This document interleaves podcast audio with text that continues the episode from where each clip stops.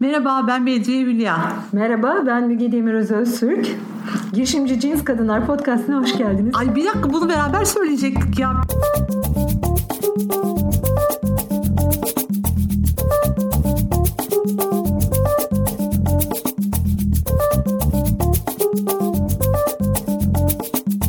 Girişimci Cins Kadınlar Podcast'ına hoş geldiniz. Bugünkü konuğumuz benim için çok çok özel bir konuk.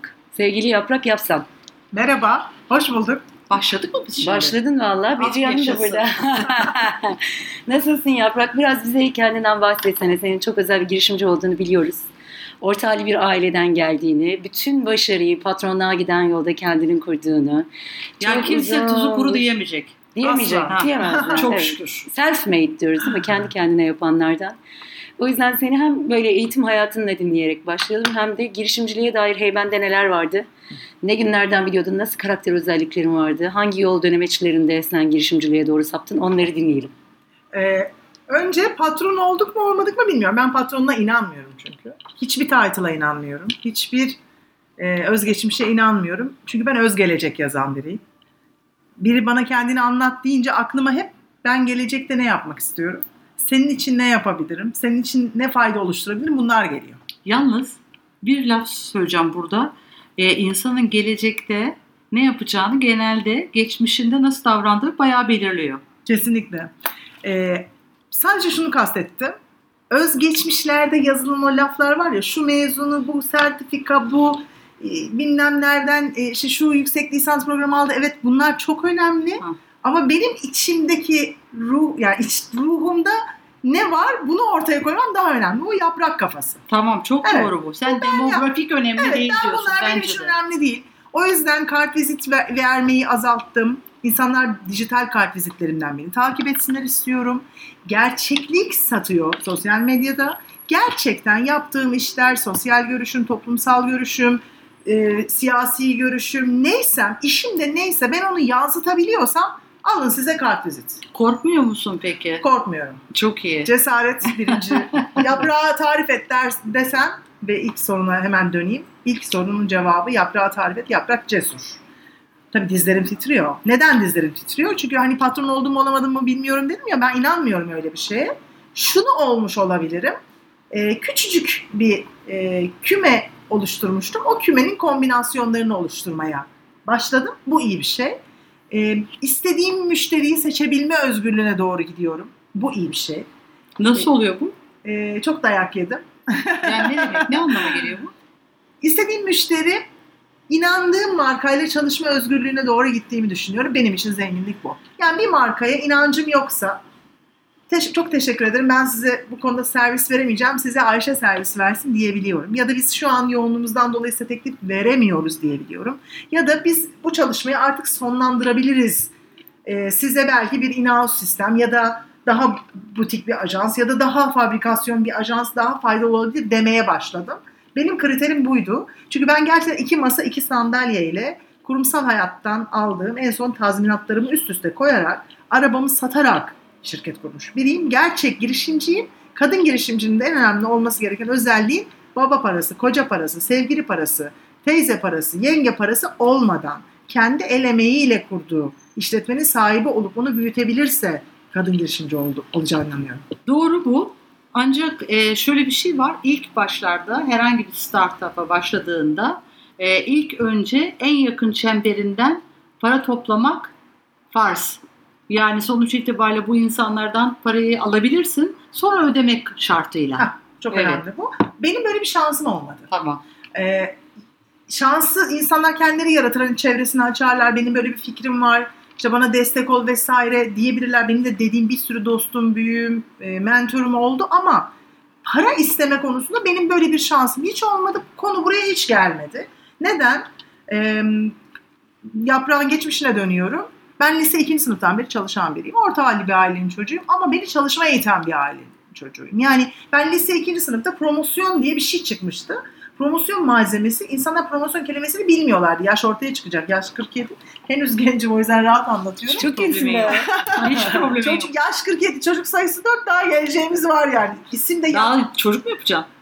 Birkaç tane daha bakabilirim yani. Kapasite var. Hayır şöyle isim yaprak soyad yapsan ya yaprak Evet. yapsan. Bir Aha. holding efekti var zaten. Var var var. Yani zengin olacak çocuk var yani. Doğru. Bir isimde bir şey var. Baba soyadını hiç değiştirmeyi düşünmediğim için aynen böyle devam. Lise 2'ye geri döneyim. Promosyon malzemeleri satan bir arkadaşımın ablası vardı. Ve bana şöyle bir şey söylemişti. Benim babam yeminli mali müşavir. Çevresi geniş bir adam. Ee, babanın işte baktığı şirketlere, işte çevrene, apartman komşuna, ona buna yılbaşı promosyonları al yaprak senin ağzına laf yapıyor dedi. İlk oradandır mesela benim iletişimle ilgili bir iş yapma Sen niye çalışmak istedin o zaman? Para kazanmak istedim. Kendi Tamam. paramı kazanmak istedim. Anahtar kelime. Anahtar yani benim için kendi param. Çünkü e, işte bir şey istiyordum. Diyelim ki o an bir ayakkabı istiyorum. Üç çocuk herkes okuyor bilmem ne. Annem diyor ki bu gereksiz bir şey. Mesela buna gereksiz bir para verilmez. Hani daha tasarruflu bir bilinçle büyütüldük. Biz, Aha. ben o bilinci çok seviyorum. Şu an tekrar 2019'da günümüzün kelimesi tasarruf olduğu için çok mutluyum. Tamam. Ee, o dönem ihtiyaçtan ve benim hayattaki her şey belki buna bağlanıyor sonra. O iletişim becerisini kurgulamak, elinde bayağı promosyon malzemeleri, işte babamın e, müşterilerini gezmek, onun arkadaşı, bunun arkadaşı, onun bir şeysi derken ben bayağı satış yaptım. Ha, Ve- network değerlendirdin Tabii yani sen. tabii bayağı ben arayıp işte Ali amca bilmem ne ben geleyim mi size göstereyim mi? Önce beni kıramadılar. Sonra ya bu çocuk iyi bir şeyler yapıyor dediler falan. Bir de utanmamışsın Hiç yalnız bunları utanmadım. yaparken. Hiç utanmadım. Hatta çok önemli bir iş adamına gittim o zaman. Ee, Ee, yani randevusuz falan kapıdan. çok iyi. Nasıl Ondan oldu bu? Anlatsana sonra bunu. e, Kimdi kimdi? valla söylememde sakınca yoksa Hayır ben de söyle. Semih Sohtorik'ti. Ee, Ee, ne çok- yaptın? Biliyorsunuz yani önemli bir e, Aha. iş adamıdır kendisi. Ee, Allah rahmet eylesin de akrabaları.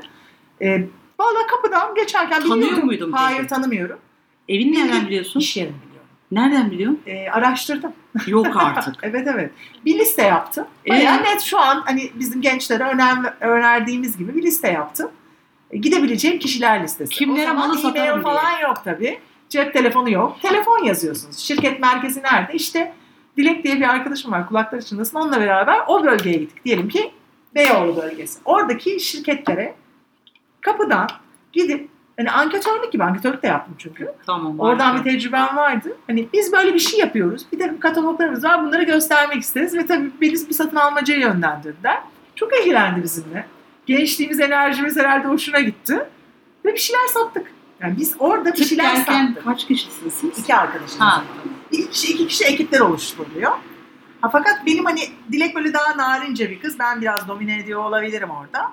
Ee, güzel bir şeye dönüştü. Ve bir promosyon malzemeleri satışı var. Ki ben satıcı değilim. Ne kadar süre?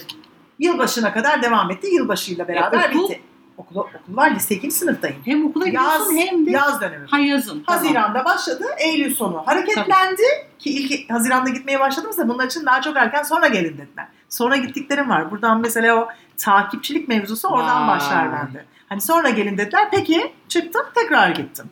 Çünkü ne kadar çok e, hayırı yersen veya sen bu iş olmamış yaprak yapamıyor sonu veya işte bunu şöyle yapı dinlersen sonra yapabilme şansın oluyor. Çünkü bir daha senin önüne al fırsat iste 100 kere git 100 kere daha seni reddetsinler bir 100 kere daha git. Nedir yani? Tabii. Gidemeyecek hiçbir şey yok. Ve o kışa e, doğru ben bayağı ciddi bir para kazanmıştım. Bu lise Oo, 2 süper. yaz. O ayakkabıyı aldım diyorsun. Aldım aldım neler aldım. Ee, arkadaşlarım o zaman böyle şeyde Bağdat Caddesi ve Taksim ve Vakarova'nın kafeleri vardı. Hani bize birazcık daha pahalıca e, gidip mesela orada kup yemiştik falan. Hiç unutmuyorum. Yaşasın. Tabii o Ay, falan böyle arkadaş. hoş bir şeydi.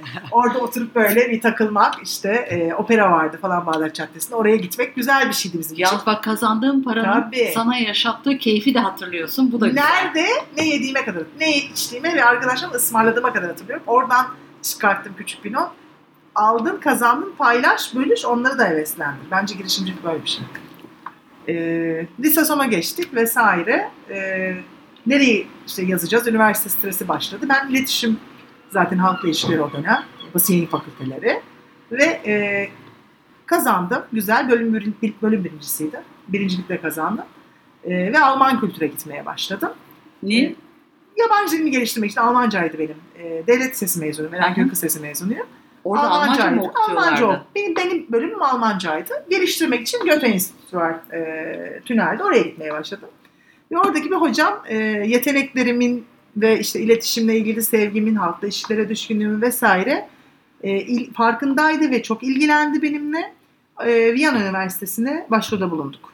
E, babamın haberi yoktu. Beni sadece 3 aylığına dil okuluna gideceğim zannediyordu. Annemle beraber tezgahladığımız bir şey bu. Çok da güzel bir e, tufaya düşürdük onu çünkü izin vermiyordu böyle bir şeye. Niye izin vermiyordun? E, bitireyim okulumu sonra gideyim istiyordum. Hani bitir okulunu sonra git yine kendin oku, çalış, Sen onları o sırada destekliyor. üniversite birde misin? Birinci sınıftayım.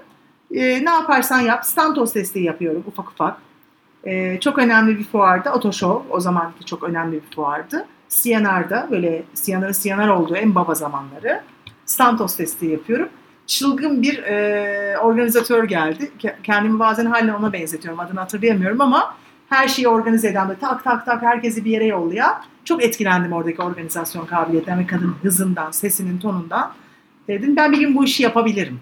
Çok önemli mesela benim için o otoşov fuarı. Nesini beğendin? Yerli miydi ya- yani? Ee, hosteslik yapıyordum ben ama güzelliğimizden dolayıydı. Bir güzeller vardı. Biz bir de böyle e, bilgi Ağzı veren, laf yapanlar. ağzı laf yapan, işte yabancı dilde birileri geldiğinde küçük küçük onlara yardımcı olabilen falan bir bölümdeydik. Güzeller daha ön safhalarda, biz daha arkada organizasyon bölümünde. Hani orada dağıtılacak promosyon malzemesinin sınıflandırılması, dağıtılması, gelenin karşılanması, basın o zaman çok önemli basının karşılanması falan. Kadının koordinasyon becerisi, hızı, ses tonu, etkileme gücü, e, alandaki herkese ayrı dokunabilmesi beni çok etkilemişti. İnsanlar iletişim- dinliyorlardı Evet, anlaşılan. evet. İletişim işinde çok önem vermiş. Alana tam hakimiyet. Ee, adını hatırlayamadığım için çok üzülüyorum. Hangi yani bulsam, e, şimdi bilsem gitmek isterim ziyaretine. Ve oradaki o stand hosteslikleri zamanında benim iyice bu iletişim işine yatkınlığım ortaya çıkınca e, transkriplerimi aldık e, okuldan ve başvurduk. Viyana Üniversitesi'ne. Sosyal bölüm iki tane e, bölüm okuyabiliyorsunuz. Bir tanesi halk ilişkiler, bir tanesi e, political wissenschaft ve hani, bizim siyaset bilimi dediğimiz bölüm e, beni çok etkileyen ve istediğim bir bölümdü. Şu anki hayatımı şekillendiren bölümlerden bir tanesidir. Ve kalktım Viyana'ya gittim. E, buradaki okulumu dondurarak. E, orası tam anlamıyla şöyle bir macera. Ailemden o kadar az para alıyorum ki hani gerçekten cüzinin cüzisi C'si hatta noktası.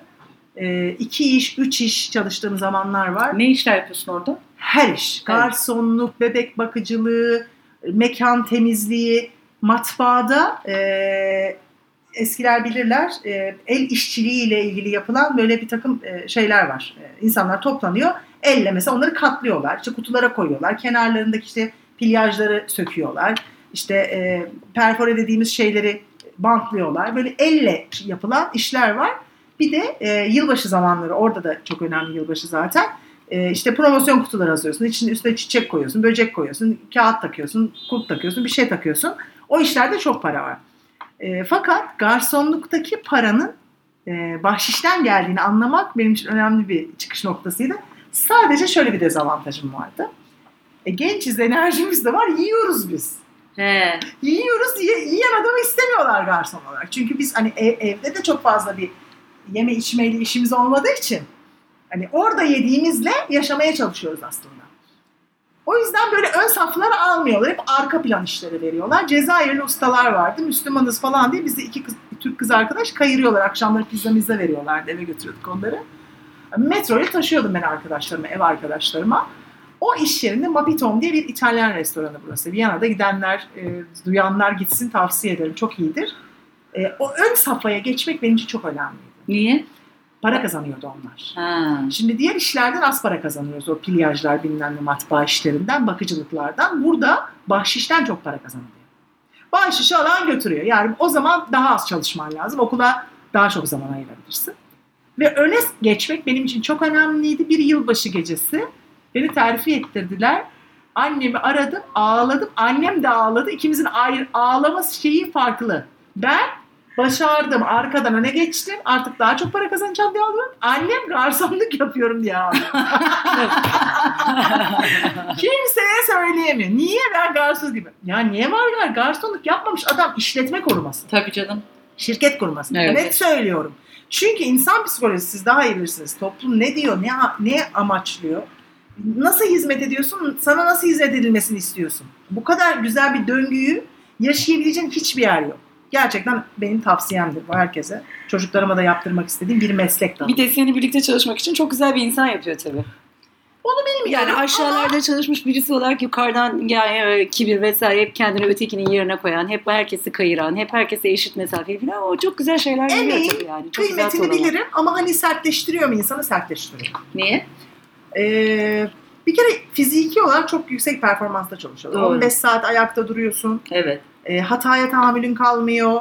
E, ekip sen, ekibin bir parçası bir şey eksik yapıyorsa ucu sana patlıyor. Ben bunun iş hayatına da modellenmesi gerektiğini düşünüyorum. Ekip bilinci mesela restoranda çok önemli. Biri piş- pişiriyor ama sen onu götürürken kenarını bozdun tabağın adama bütün emeğini mahvettin. Tabii. Ben bunu şirketimde de yapmaya çalışıyorum. Yani o ekip çalışmasını kurmaya çalışıyorum. Her zaman tutuyor tutmuyor bilemem. Hani öz eleştiri. Ee, her, her kimyada tutmuyor. Çünkü her insanın e, egosu farklı işliyor. Ama ben restoranda çalışmaya, barda çalışmaya, o fiziki performanstaki sertliği insanların yaşaması gerektiğine inanıyorum girişimcilikte. Sonra neler oldu? Ee, Viyana uzun süre zaten. dört Ne buçuk kadar sene, kaldın? Dört buçuk sene kaldım. Ee, Türkiye'ye döndükten sonra Niye döndün? başladım. Okul bitti. Okul Zaman bitti. geçti. Çalışamaz mıydın orada? Hiç yaşamak istemedim. Benim üç kere yaşama maceram var e, yurt dışında. Yaşamak istemem uzun süreli. Hepsi böyle e, Viyana, Avusturya gibi yerler mi yoksa başka Viyana, başka yerler mi? İngiltere'de de yaşadım. İngiltere'de. Newcastle'da. E, Dubai'de de yaşamaya karar verdim. Sonra vazgeçtim. Yaşamak istemem. Yani bilmiyorum. E, şu anki kararım bu. Hani Akdeniz gidişinden Orta için. Doğu ruhundan kopamamak mı bu? Yok hayır ben arabesk bir yönüm var. E, Asyalı bir yönüm var. O yönümü seviyorum. Beni ben yapan şeylerden biri. İstanbul zaten Avrupa, Asya. Hani Türk insanı, Güneydoğusu, Çanakkale'si, Bodrum'u. Hani her şeyin bir e, harmanı var ya burada. Ben o harman içinde olmayı seviyorum. Burada çocuk büyütmekten de mutluyum. Şimdi zaten daha da mutlu olacağımız günlere geldik. İnşallah. Bu nedenle e, bir daha yurt dışında yaşamayı düşünmem. Gidip tatil yapıp gezip tozmayı, yenilikleri, teknolojiyi keşfedip geri gelmeyi isterim.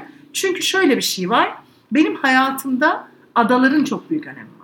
Nasıl yani? Malta var onun ben hayatında bir. e, bütün iyi kararlarımı, sağlam hayat kararlarımı adalara giderek verdim. Allah Allah. Bir şey. alakası Ama çok var? balık ya, var. balık ya. Ne? Balık ya. burcuyum. Ne? Balık Aman bana balık burcu. Evet evet. Aslan aslan bir insanla çalışıp burçla inandırma. Ay. Adaların benim için şöyle bir önemi var. Adalarda rehavet var. Ada, Evet. ada hiçbir yere gitmiyor. Ada zamansız bir yer. Evet. Telaş yok. İnsanlar daha yumuşak, Evet. daha sıcak, daha böyle relax. Karar verebiliyorsun.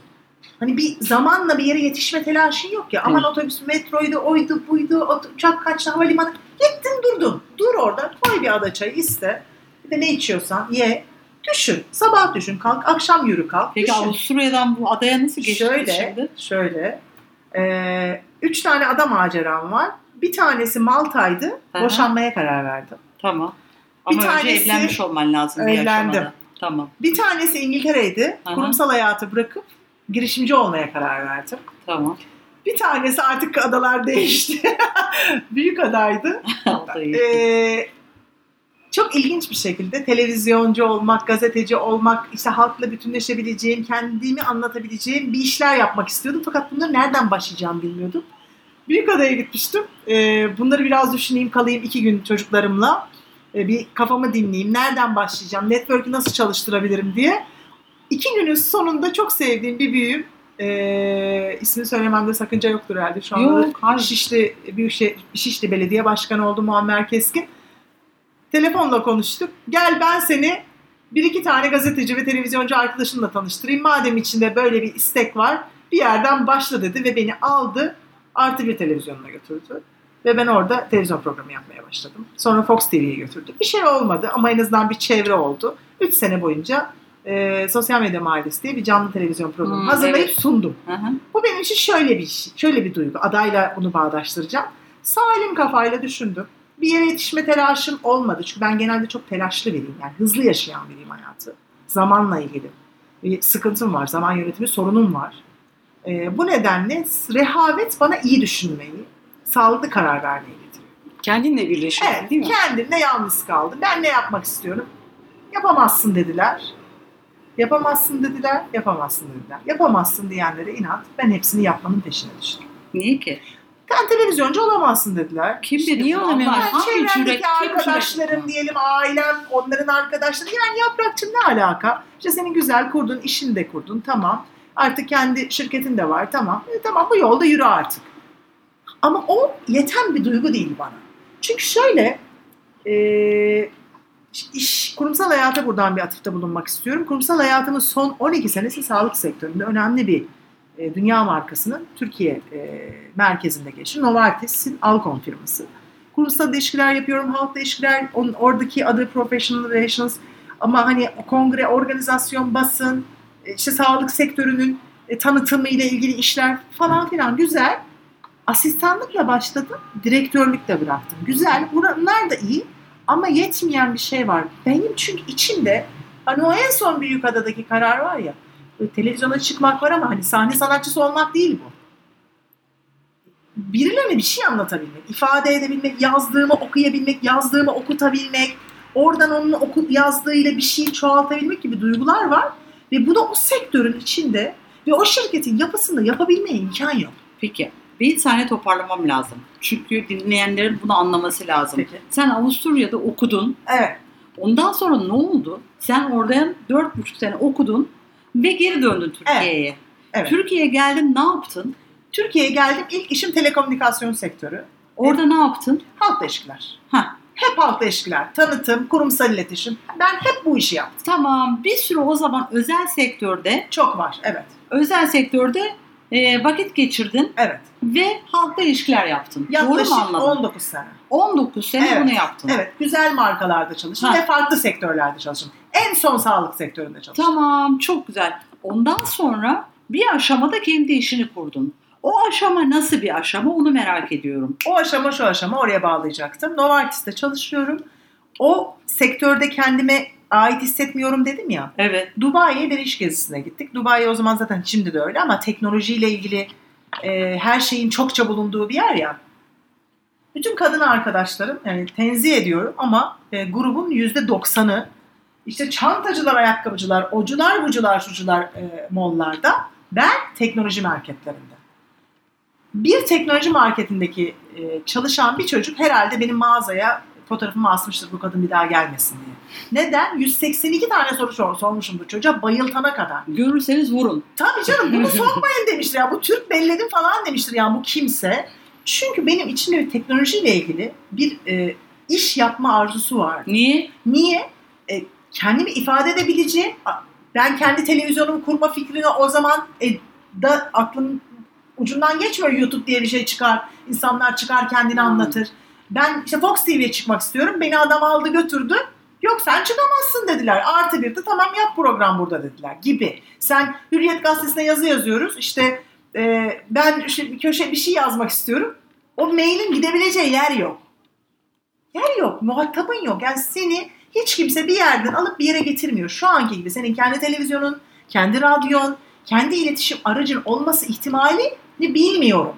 Henüz. Çünkü Evet. yıl 2007 değil. Konvansiyonel yöntemler var. Oradan yürümeye çalışıyorum ama yollar kapalı, duvarlar önümüzde set. Olmamış bir şekilde. Evet, Ama sen bunu istiyorsun. benim isteğim var. Bir ışık oldu. Çünkü yıl 2007 oldu ve Mark diye bir adam çıktı. Manyak okuldaki arkadaşlarıyla mesajlaştıktan sonra neyse bir ortam hazırladı kendine. İlk 16 milyon kişiye ulaştığımda ben parti yapacağım diyen adam şimdi 2 milyar 250 milyon kişiye ulaşır oldu. Hı hı. Yani nereden bu fikre kapıldım? Teknolojiyi kullanırsam kendimi ifade edebilecek ne iş yaparsam yapayım pazarı oluşturabilecek bir aracı olduğuna kanaat getirdim. Benim çıkış noktam bu. Senin niye böyle kendini ifadeye ihtiyacın vardı? Edemediğimi düşünüyordum. Çünkü çok sınırlı bir iş yapıyordum. Çok kurallı bir alan sağlık iletişimi. İşte Sağlık Bakanlığı kuralları, regülasyonlar, öbür tarafta compliance komiteleri falan falan o kadar sınırlıydı ki her işi yaparken başvuracağın kurallar silsilesi var. Ansiklopedi Meydan Larus'la yaşıyor gibi. Bu cendere sıkmış seni. Ben bu yapraktan çok sıkılmıştım. O takım elbise, beyaz ipek gömlek, inci kolye yaprağını hiç sevmiyordum. İşte girişimci cins kadınlar çünkü. Evet. Hiç, hiç sevmiyordum. Ben o yaprak değildim yani çocukken de değilmişim. Hani o lise ikinci sınıfta promosyon malzemesi yapıp dağıtan, satan yaprak da böyle değildi. Fakat hayat şöyle göstermişti ya, iyi okula git, iyi okuldan iyi okullara git tekrar. E, iyi bir işe gir. Uluslararası şirketlere gir. SGK'lı. Evet. güzel. Evlilik programına döndürmeyeyim. Hani güzel marka da iyi. Ben o şirketten ayrılmaya karar verdiğimde annemle babam karalar bağladı. Niye? Yavrum sen direktörsün. Senin ne güzel bir kartvistin, ne güzel bir odan var, kocaman masan var. Çünkü onlar böyle algılıyorlar konuyu. Ama ben o yaprak değilim. Evet in- e, insanın içinin istediğine doğru gidebilmesi Evet. e, iyi bir şey ancak bu o kadar da kolay verilen bir karar Hayır. değil. Hiç değil. Üstelik Çünkü iki çocuk varken yani. e, iki çocuk var, bekar bir anne. Eşi de boşamış. Hem mi? de onlar da var. Evet. Son Dubai konusuna döneceğim çok önemli. O teknolojiyi kullanayım kullanayım marka taktım neler yapıyorlar. Dijital pazarlama diye bir şey duydum. Onları araştırıyorum yurt dışına yazıyorum ediyorum.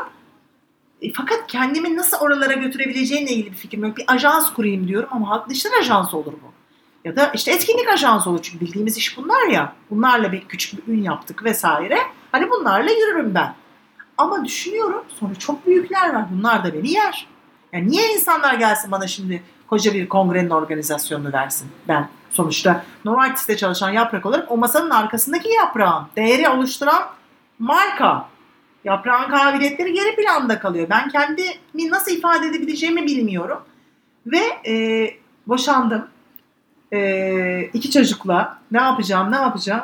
İngiltere'de çok sevdiğim bir arkadaşım var. Elvan kulakları çınlasın. Newcastle'da yaşıyor. Kocası da akademisyen. Onunla yazışırken bana orada bir okul bulsana bir sertifika programı bir şey istediklerimi anlattım. Bana cevap verdi ve dijital pazarlamayla ilgili bir marka yönetimi sertifika programına gitmeye karar verdim. Çocuklarım küçük. İlk defa eski eşimden yardım istedim. Çocukları Bodrum'a, anneme, şu an rahmetli olan kız kardeşime bırakıp babalarına bir dönem bırakıp İngiltere'ye gittim. Ne Para kadar nereden sürdü? buldun? Çalıştım. Vardı. Novartis'te çalışıyorum. Hı, Maaşım Tamam. var. Evet. Abi bana 6 ay ücretsiz izin verin dedim. Hop oturdular hop kalktılar. Ee, çok zor bir şey çünkü se- sevilen bir elemansın. Şirket senden verim alıyor. Güzel bir yere getirmiş seni. Bir süre eğitim aldırmış yurt dışında, yurt içinde. Ve sen birden diyorsun ki deli gibi ben gideceğim başka bir şey yapacağım. İnsan kaynakları müdürü e, yine kulağını çınlatacağım. Çok önemli biridir benim için şöyle arkadaşım. Yaprak sen ne istiyorsun dedi. Cevabımı hiç unutmadım. Hayatım boyunca unutmayacağım bir cevap bu. Ben hiç kimsenin hiç kimsesi olmak istiyorum dedim. Tek başıma tekrar Seni bayıltmış bir şeyler bayağı. ee, evet tekrar birinin karısı, birinin kocası, birinin abisi, birinin müdürü, birinin patronu, birinin direktörü olmak istemiyorum. Çok gelmiş. Annelik kimliğimi dahi birazcık bırakmak ve ben tekrar bir şeye baş. Bir altın bilezik istiyorum dedim. Bir altın bilezik. Newcastle'a gittim. Harikaydı benim için. Ee, kafam açıldı. Yani başka bir dünyanın olduğuna kanaat getirdim. Türkiye'ye döndükten sonra babama dedim ki ben bir şirket kuruyorum, kurmak istiyorum. Ee, ne yapmam lazım? Ne iş yapacaksın? Halkla ilişkiler işi gibi algılıyor. Çünkü bilmiyor bu konuyu. Sosyal medya aracılığı ya da dijital pazarlama. Sene kaç? 2010 yılındayız. 2010-2011 yılındayız. Senin Ve- yaşın kaç o zaman? İşte ben Ay, çok 47 pardon ya. yaşındayım. Yıl 2011. Ee, babam şöyle bir cevap verdi. Evladım dedi biz ne iştigal konusu yazacağız buna? Yani bu dedi şirketi kuralım güzel ama iştigal konusu ne? Ana sözleşme yazacak ve mali müşavir olarak bunu bilmiyor. Yeminli mali müşavir olarak bilmiyor. Tabii. Ben biraz danışayım odaya dedi. Çünkü halk, sen diyor halkla ilişkiler ajansı kuruyorsun. Hayır diyorum. Evladım işte halkla ilişkiler bu. Hayır. Anlatamadım. Çünkü anlatabilecek bilgimiz yok. E, Bürokrasinin de onu tanımayacağı fazla Aynen yok öyle. zaten. Yani Daha sonraki de zaman diliminde üniversitelerde bu konuda ders vermeye başladığında bize yeni medyanın hocası geldi diyorlardı. Yeni medya. Çünkü bunu yeni medya olarak tanımlıyor. Doğru yeni medyaydı zaten. Ama şimdi böyle demiyoruz. Şimdi değil. 5 Evet. senede bir fikir değiştiriyoruz. Artık en sonunda inandı ki medya tektir. İçinde dijitali vardır. Gelenekseli vardır. Osu vardır, busu Şimdi vardır öyle ama artık tek oldu. Rüştünü Evet. ispat etti Evet. çünkü çok paralar Ee, kazanıldı. Bu zaman bu zaman e, dilimi içerisinde beni en çok e, etkileyen şey şirketimi kurduğumda iki masa, iki sandalye ve tazminatlar çok sevindiğim bir şey oldu. O network'e geri dönmek istiyorum. E, network'ümden şöyle bir geri bildirim aldım. Yaprak gel biz sana işte şirket kurma hediyesi Paşabahçe'den nazarlık bilmem nereden boncuk öbür taraftan tabak çanak almayacağız. Sana bir iş vereceğiz dediler. En Bu, süper hediye. bu nasıl bir firmadır ya? Ne kadar tatlı insanlar bunlar yani. Bu hatta bir firma değil bir tanesi çok önemli bir dernekti. sağlıkla ilgili bir dernekti. Onun gizliliği nedeniyle derneği söylemeyip bana çok güzel bir iş verdiler. Bir kongrenin özellikle bu tarz web sitesi, işleri, sosyal medyası vesaire yeni başladığı bir dönemde güvendiler ve bana güzel bir iş verdiler. Ve ben o işten güzel bir para kazandım. İşimi büyütmemdeki aslında kritik nokta geçmişteki o ilişkilerimi hiç bozmamak. Kapılarımı sert kapatmamak çünkü ben zaten şöyle bir tipim. Kapımı kapattığımda bir daha açmam. Ha. O kapıyı kapatmak, kapatmamam lazım. Ee, ve kapattırmamam lazım. O ilişki silsilesini devam ettirdiğim e, markalarla güzel işler yaptığımı düşünüyorum. E, şirketimde kendim dahil iki kişiyle başladığım işte 18 kişiye kadar çıktım. Zaman zaman küçülme e, Tabii. eğrilerine dönüyorum. Ama 7 kişinin altına düşürmüyorum şimdilik. Minimumda 7 kişiye kadar indirip 7 kişide bırakıyorum. Çünkü işimi devam ettirecek olan ekip sanki 7 kişiden oluşuyor. Tamam. İşinin şimdi detaylarını ikinci bir bölümde konuşacağız. Evet. Şimdi sen Yaprakla çektiğimiz ilk bölümün sonuna geldik. Şimdi bir ara alıyoruz. Sonra tekrar ikinci bölümde buluşacağız. Görüşmek üzere.